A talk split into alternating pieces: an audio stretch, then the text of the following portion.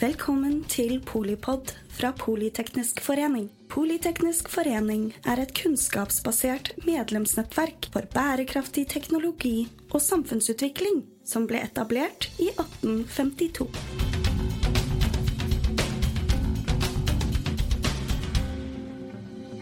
Velkommen til Polipod direkte inne fra Arendalsuka. Vi har med oss Bjørn Aksel Gran, som er forskningsdirektør på Institutt for energiteknikk, IFE.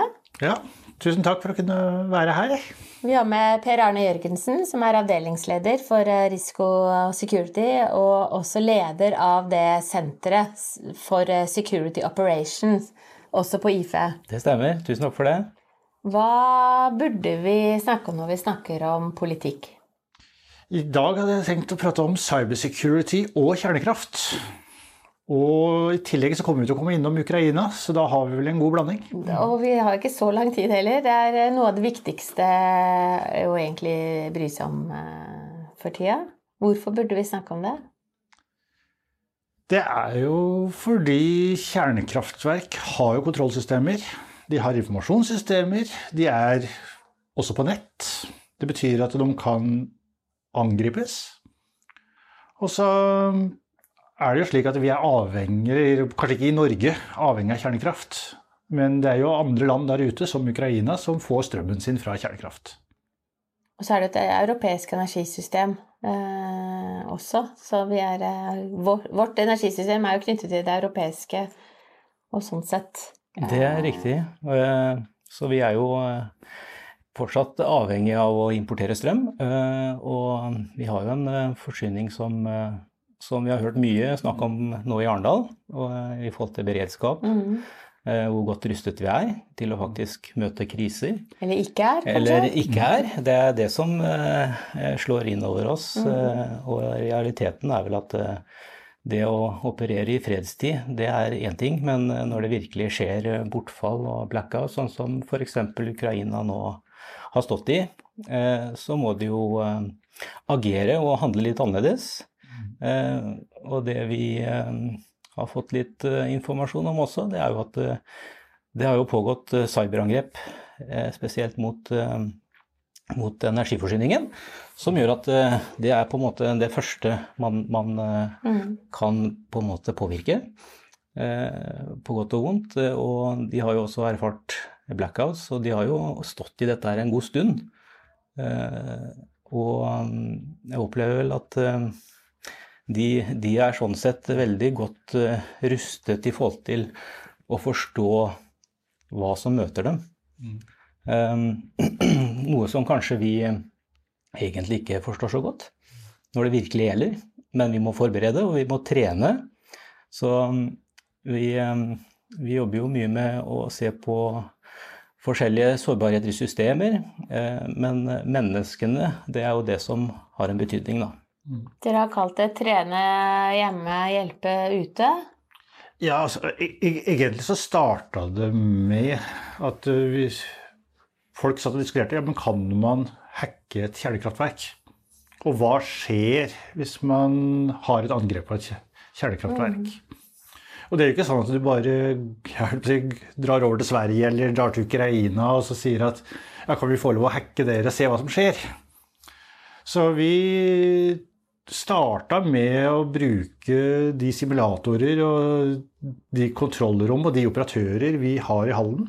For flere har rett og slett samarbeidet med mange om et helt konkret eh, prosjekt? Ja, vi samarbeider både internasjonale forskningsprosjekt eh, innen cybersecurity, og vi har gode samarbeider i Norge. Vi har hatt prosjekter både med Avinor og Statnett, eh, hvor vi har sett på ulike aspekter.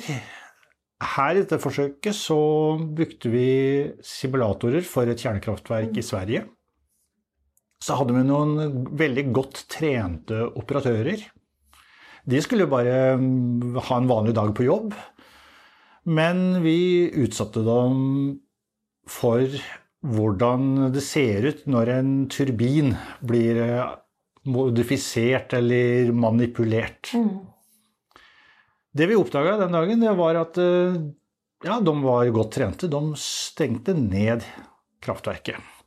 Men det blir jo, hadde det vært et nett som henger som er virkelig, så hadde det jo blitt mørkt for noen.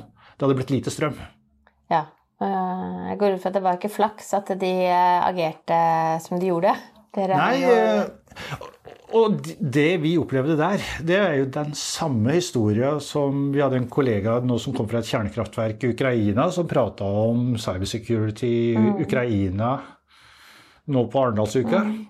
Han fortalte at de hadde jo blackouten. Det han opplevde, det var at operatørene gjorde det de skulle. De visste hva de skulle gjøre, og de stengte ned på en trygg måte. Det er jo betryggende for oss alle. Ja, ja.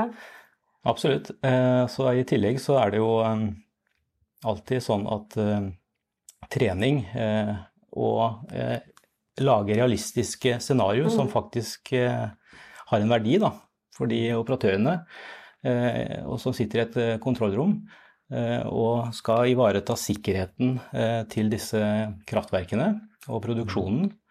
Eh, og som da ikke er så godt trent i forhold til impact på systemer som har en annen påvirkning med cyberangrep. Så, så, det at vi lager en, et realistisk oppsett, et eksperiment som gjør at vi kan teste ut operatører, men også teste delsystemer som kanskje ikke er direkte sikkerhetssystemer, Eh, gjør at man må hele tida eh, ta inn over seg det man ikke nødvendigvis har noen god prosedyre for å følge. Men vi er veldig glad for at eh, prosedyrene virker. Ja. Og så må vi hele tida jobbe med å forbedre dem. Mm. Også når du får et angrep som kan aktualisere seg som et cyberangrep. Da.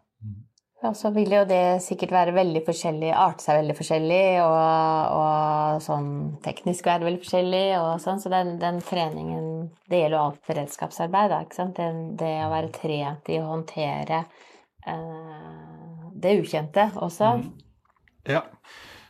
Og det er jo noe vi også har sett. Vi har hatt andre eksperimenter med da var det amerikanske operatører de, da gjorde vi ikke noe med systemene, men eh, noen av operatørene ble fortalt at vi er under cyberangrep. Ja. Og så brukte vi våre mm, labber i Halden til å måle Er da operatørene like flinke? Tar de like raske beslutninger? Hvor stor usikkerhet om hvordan systemet virker? Er dette her en belastning for operatørene, slik at det går utover den jobben de skulle ha gjort? Dette er spørsmål hvor det mangler eh, forskning, det mangler eksperimenter. Og som sagt, du har ikke lyst til å prøve det på et reelt kraftverk. Mm. Så det, det, som er interessant med det eksperimentet, er jo alle disse rollene som, eh, som mm. spilles. Eh, og i tillegg hvor du har en, en SOP f.eks., eller Security Operations Center, som passer på IT- og OT-sikkerheten, eh, og forståelsen av eh, de to forskjellige rollene, eh, som gjør at de er virkelig langt fra hverandre i situasjonsforståelsen. Så vi jobber jo mye med å se på IT-siden og det som er OT, operasjonsteknologi, og disse grensesnittene. Men vi legger mer trykk på også det menneskelige. Jeg sitter og lurer på hvor mye menneske og hvor mye er maskin her i, i det dere kjenner til av si, riktig respons? da? Ja, nei, Erfaringen viser jo at uh, det er jo mennesker som uh, må inn og vurdere, mm. men med god hjelp. Uh, og det grensesnittet med maskin og menneske, det er jo derfor vi har en, denne Hamlaben i Halden, som gjør at vi har forska på dette her i over 30 år. Eh, hvordan eh, alarmer, filosofier, hvordan alarmer skal eh, observeres, og hva menneskelige faktorer har med påvirkning av hva man velger å gjøre. Mm. Men nå er det ikke så stor forskjell på et kjernekraftverk og kanskje et mindre kraftverk i Norge. Og da Det første du tenker på, er jo ikke å ansette Kanskje ikke driften, men Nei, altså i, i, risikoen er litt annerledes. Risikoen er, for, mm. er uh, betydelig forskjellig, ja. men uh, operasjonsmessig det samme. Mm. Og det kanskje den første IT-ansvarlige på et kraftverk vil tenke på, er å ha et intrusion detection-system på IT-systemet ditt. Og hva betyr det? Altså et datasystem som lytter på signalene, og som sender en advarsel at nå er det noe unormalt som skjer. Men da er jo utfordringen for den IT-sjefen ja, det er ulike slike systemer. Skal jeg kjøpe fra leverandør A eller leverandør B? Er system det ene bedre eller enn det andre? Hvor mye opplæring må jeg ha på en operatør? Vet operatøren hvordan å bruke det, når han skal bruke det? og Da kommer teknologien og mennesket mm. sammen. Mm. Eh, god datakvalitet, det er jo alltid lurt. og, og, dataserier, da, eh, for å kunne og, og, kanskje Altså, jeg vil tro det har skjedd mye. Dere har i Halden eh, i over 30 år. Men det har jo skjedd veldig mye rundt eh, maskinlæring da, og kunstig intelligens. Ja, nei, Endrer det noe, det bildet der? Det er jo interessant.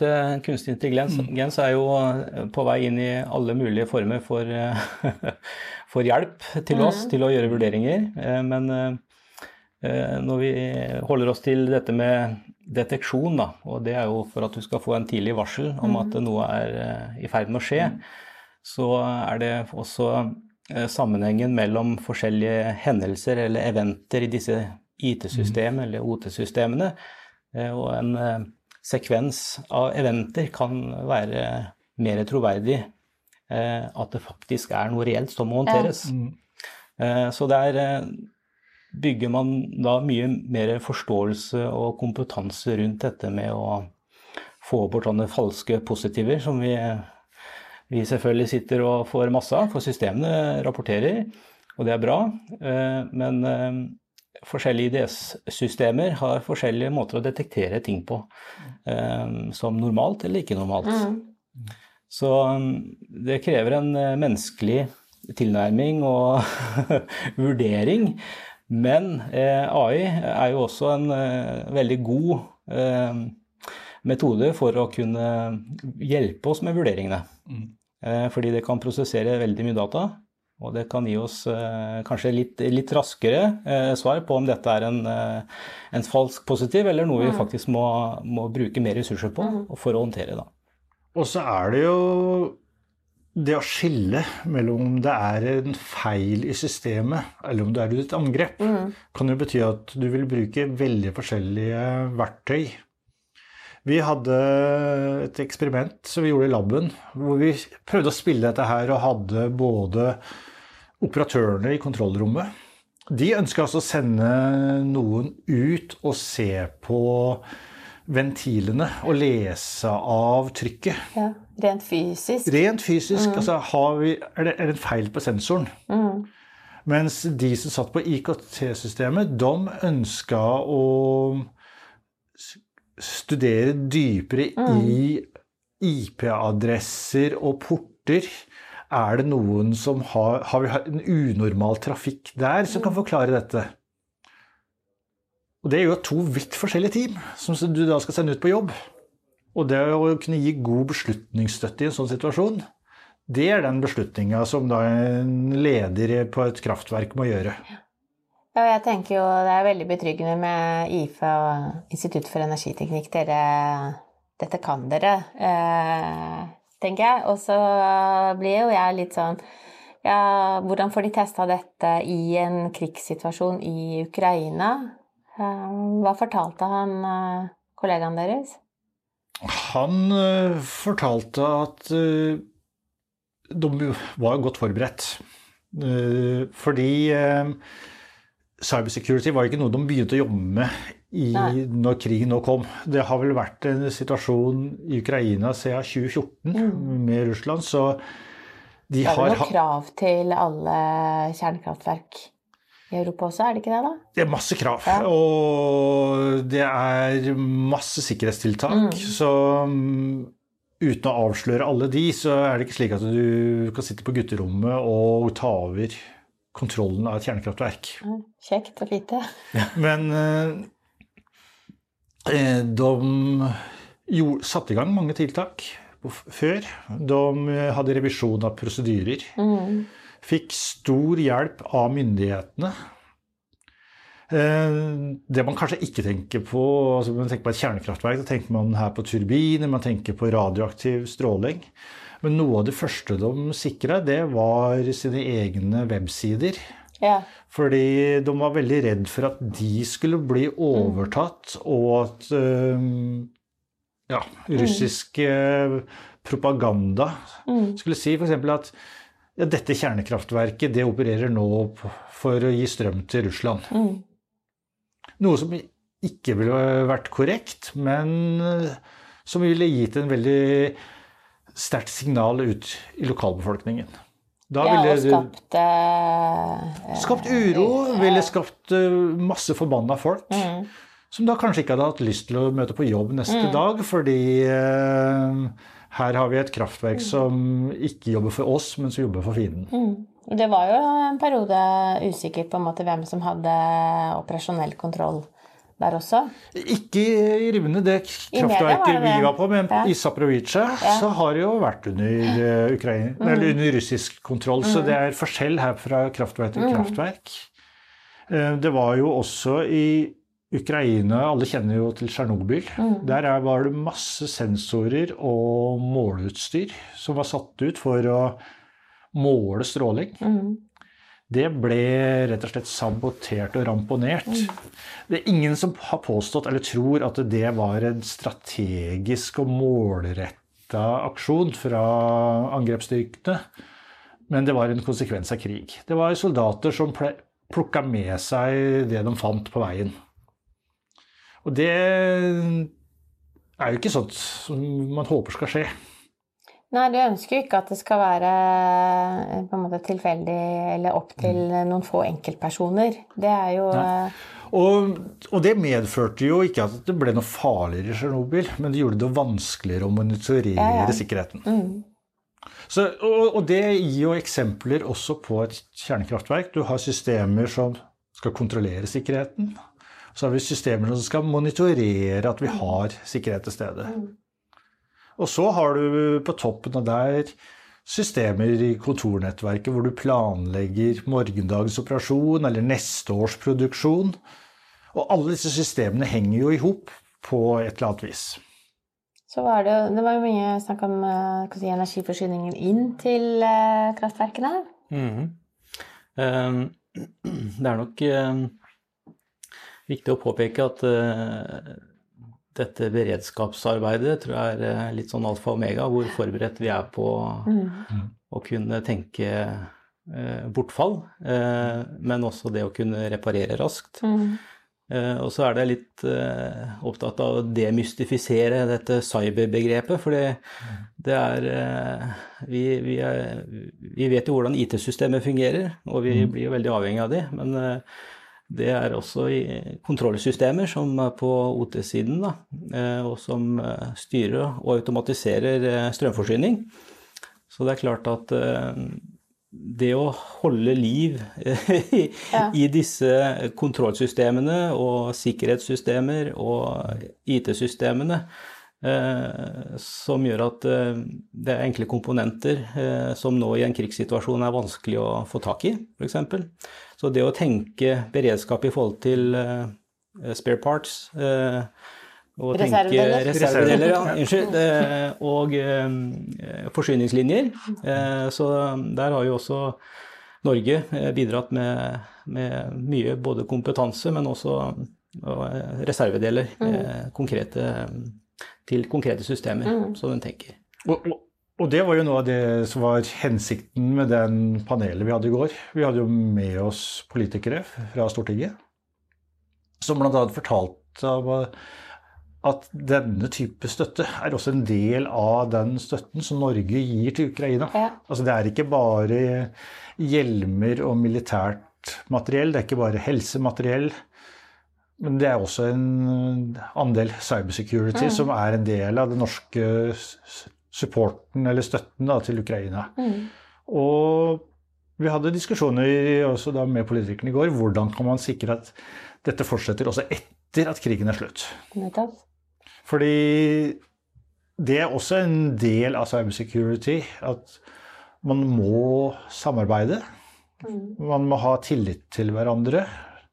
Tørre å dele informasjon. Og det har vel vi også sett at det har vært en eh, litt sånn fluepapir, de labbene vi har i hallen. Og det at vi har jobba med forskning på kjernekraftverk siden den første um, forsøksreaktoren uh, i Norge. Den kom i gang i 1959. Ja. Ja, dere har troverdighet og, og, tillit. Eh, det er jo en masse Alt fra deling av data altså, og, og, til faktisk det som gjelder ethvert et samarbeid, da, og, og med, men på veldig Det er jo spisskompetanse, og mm. samtidig eh, kritisk, og et helt annet risikobilde enn veldig mange andre mm. skal si, forskningssamarbeid mm. Norge er involvert i. Mm. Og det, det spørsmålet fikk jo den amerikanske eh, strålevernet, eller ja. de som styrer med kjernekraft i USA, ja. når de, de, var på åpning av cybersecurity-senteret vårt, og da spurte den norske ministeren eh, ja, men hvorfor eh, er amerikanske myndigheter med på dette og finansierer dette her? Og så sa han ja, men vi har jo jobba med de i 50 år på safety. Og der, så da tør vi å nå også diskutere Jeg håper det var et ledende spørsmål, at ikke det var et eh, At han faktisk lurte på det. Nei, det var nok litt mm. sånn ledende spørsmål, men han var det sier vel kanskje litt om mangelen på kompetanse i Norge om kjernekraft. Altså, det har vært mye sagt at vi trenger mer kompetanse på kjernekraft, men vi mm. trenger også mer viten ute blant folk, ute blant politikere, ute blant beslutningstagere. Hvilken kompetanse er faktisk i Norge på kjernekraft? Mm. Og en godt bevart hemmelighet er at vi i Norge jobber faktisk med både kjernekraft og cybersecurity i samme prosjekter. Ja. Altså, det var jo um, Eh, nå er det selvfølgelig mye snakk om nye typer reaktorer og, og, ny kraftforsyning til Norge rundt kjernekraft.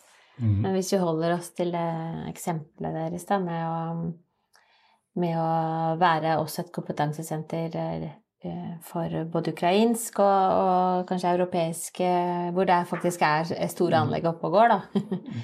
og hvor er hvordan er det egentlig eh, reelt sett sånn Ingen vil ha radioaktivt materiale på avveie. Eh, og hvor mye er knyttet til Hvor mye av det styres, kall det digitalt, da, siden vi snakker om cybersikkerhet? Ja, eh, det er jo veldig mye som er digitalt, selvfølgelig. Så tenker jeg også knytta til de som har stått i dette her fra 2014 eh, som Ukraina har gjort. Mm. Det gjør at de har jo en litt, litt lenger framme enn det vi her oppe i, i, i Norden eh, sitter og har forståelse for. Men, men, så er det jo også det at eh, det som vi bidrar med Vi, vi ser jo også på at vi, vi, ønsker jo å få et tettere samarbeid både med, med erfaringer som de har gjort eh, i forhold til eh, safety, eh, i, i, forhold til eh, cyber. Eh, hva gjør man faktisk eh, i sånn type hendelsesscenarioer som, eh, som, du faktisk må agere på? Og samtidig sikre energiproduksjon. Mm. Så, så, det er jo en mentalitet i, med de som blir berørt. Når vi sitter hjemme og er vant med at vi alltid får en strøm når vi setter kontakten i, så, så er jo de på en helt annen forståelse mm. eh, og, og, gjør deretter eh, sine vurderinger hvordan man skal klare seg eh, i en sånn situasjon. Men, men, du har jo et godt poeng i spørsmålet ditt. Om du driver med skal bygge et nytt kjernekraftverk, eller om du skal dekommisjonere gamle kjernekraftverk, så er det veldig mye informasjon. Mm. Det er mye sensitiv informasjon. Informasjon som ikke skal deles. Og typisk med et kjernekraftverk, det er veldig godt dokumentert, så det er mye mm. informasjon. Mm. Og det gjør jo at det er Du trenger både kapasitet og du trenger kompetanse for å gjøre det på riktig måte. Og her har jo Strålevernet ikke funnet på den særnorske regler. Her er det internasjonale retningslinjer og normer som man prøver å bruke i Norge, som man bruker i alle andre land. Og som er harmonisert og veldig godt standardisert fra IAEA. Som er det internasjonale ja. atomenergibyrået? Stemmer. Ja. Og dere har jo eh, Altså dette er jo et uh, godt norsk community, hva heter det? Det er jo et kompetanse, egentlig, bransjefellesskap globalt, vil jeg tro. Uh, og så er det jo um, noen man samarbeider mer med enn andre også.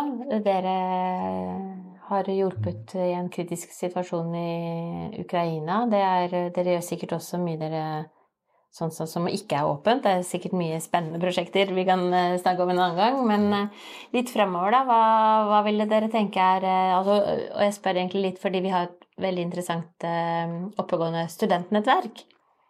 Vi snakket om kompetanse og erfaring og og, og, det er jo selvfølgelig teknologer og, og annet, eh, andre disipliner representert der.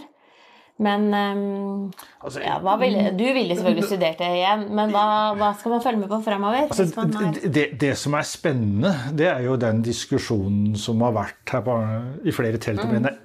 Folk vil ha energi.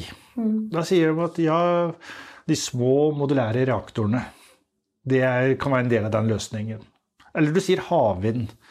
Alle disse systemene skal styres fra et kontrollsenter.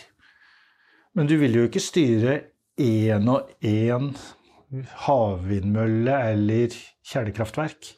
Du vil eh, bygge større kontrollsentre og ha operasjon av flere samtidig. Mm. Det kommer til å gi nye digitale utfordringer, nye digitale trusler. Så du har helt rett. Altså, det trenger jo at det kommer noen smarte, unge hoder som tar tak i den problemstillingen.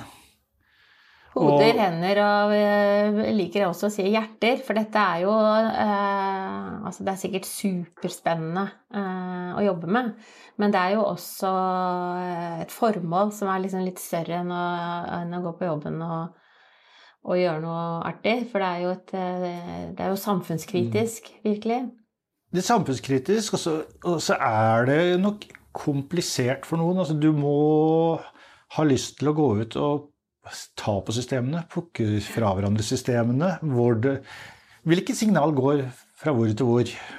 Hva slags type protokoll er det det kommuniseres på? Det er ikke nødvendigvis et konsept eller en guideline eller en mm. matematisk metode, men man må ja, Ta systemene fra hverandre og sette dem sammen igjen er en del av læreveien. Ja. Mm. Nei, det er nok uh, riktig det. Det å være litt uh, praktisk uh, tilnærming til både forståelse, men også ha bygge den kompetansen på de systemene. man får jo ikke det om man går ut fra høyskole, eller da, da, da er du forberedt på å lære mer. Så det er noe med å hele tida være litt på jakt og litt hunger på, mm. på kompetanse og gå sine egne veier. Eh, for eh, i Norge så har du faktisk alle disse mulighetene til å velge og, og bidra til eh, landslaget vårt da, mm. for cyber f.eks. Og her er alle mm. en del av det svakeste leddet. så jeg tenker IFEs rolle i dette her er jo som forskningsinstitutt også. Så vi tar imot Eh, studenter eh, og tilbyr oppgaver og masteroppgaver så, som adresserer eh, aktualiserte problemer som har vært diskutert her. Mm. Ja, og så, og så, gjør vi på cyber i Hallen, akkurat som du ville ha gjort med hydrogen på Kjeller. Hvis det er et spørsmål, i stedet for å sitte og fundere på det, så går vi ned i laben og da tester vi det, da. Ja. Se, se, hvordan det virker. Hva, hva er konsekvensene? Må, bør vi gjøre en modifikasjon? Hva vil dette virke i den virkelige verden? Hva lærte vi? Og ja, erfaring. Mm. Og dele. Det, det, er det vi prøver å bidra med. Er det for sent å etterutdanne seg, eller er det ja. Absolutt ikke. Eh, ikke. Vi åpne dører der. Eh, det, det er skarpe hoder og nysgjerrige hoder. Mm. Det, men det er ikke noe sånn datostempel på dem. Nei, nei, men det er som dere som vi snakket om i stad, at dette er, jo, dette er jo også ferskvare. ikke sant? Det er jo det er den derre treningen og, og samspillet da, mellom, mellom å teste og, og, det praktiske, fysiske og det digitale. Og det går veldig fort. Det går fortere enn vi, vi vil. Mm. Så, så det å oppe det ut og gjøre noe annet, det er nødvendigvis ikke saliggjørende, fordi du hele tida må tilegne deg og være, være, ha kapasitet til å tilegne deg ny kunnskap raskt. Mm. Så det tror jeg vi alle kjenner på etter hvert, eh, også når man blir litt eldre, og at man eh, bygger opp erfaring og deler erfaring. Ja. Nei, og det er jo en perfekt eh, avslutning, fordi jeg er veldig takknemlig for at dere deler erfaringene her og gjør det litt mer mm liksom forståelig for oss, da. For det er jo, eh, det er jo lett å bli redd både, både, av ordet cyber og atomkraft. Mm. Så det er eh, godt å vite at det jobbes ordentlig med temaet, og at det, vi har et norsk kompetanse eller hva skal vi kalle det, et verdensledende kompetansemiljø mm. i, i Oslo, ikke Oslo, i Norge. I, i Halden. I Halden. I Halden ja. og, og, så er det jo slik at det er jo moro å prate om dette her. Mm. Men det er jo enda mer gøy å komme ned til oss og se hvordan vi gjør det i praksis. Så kanskje, vi, eh, kanskje neste gang. Ja, nettopp. Så, så kommer jeg eh, gjerne. Og vi kan jo til og med ha med et kamera der hvor det er lov å, å gjøre noe på det. For det er jo noe med å, å få, få, se og føle litt nærmere på det. Eh, men det er uansett veldig artig å høre om det fra dere. Så tusen takk, Bjørn mm. Aksel Gran forskningsdirektør på Institutt for energiteknikk, IFE. Det stemmer, og det er et godt sted å være, så vi møtes nok igjen. Ja, det er bra. Takk også til deg, Per Arne Jørgensen, avdelingsleder for eh, risiko og sikkerhet eh, også ved IFE, og leder av dette SOC-senteret, som er eh, Security Operation Center der. Ja, tusen takk for at vi fikk komme og fortelle litt om det vi har eh, erfart. Takk til deg som uh, hører på. Nå vet du litt mer om både cyber og uh, kjernekraft. Vi kommer tilbake med, med, med oppdateringer, høres det ut som. Mm. Takk, takk.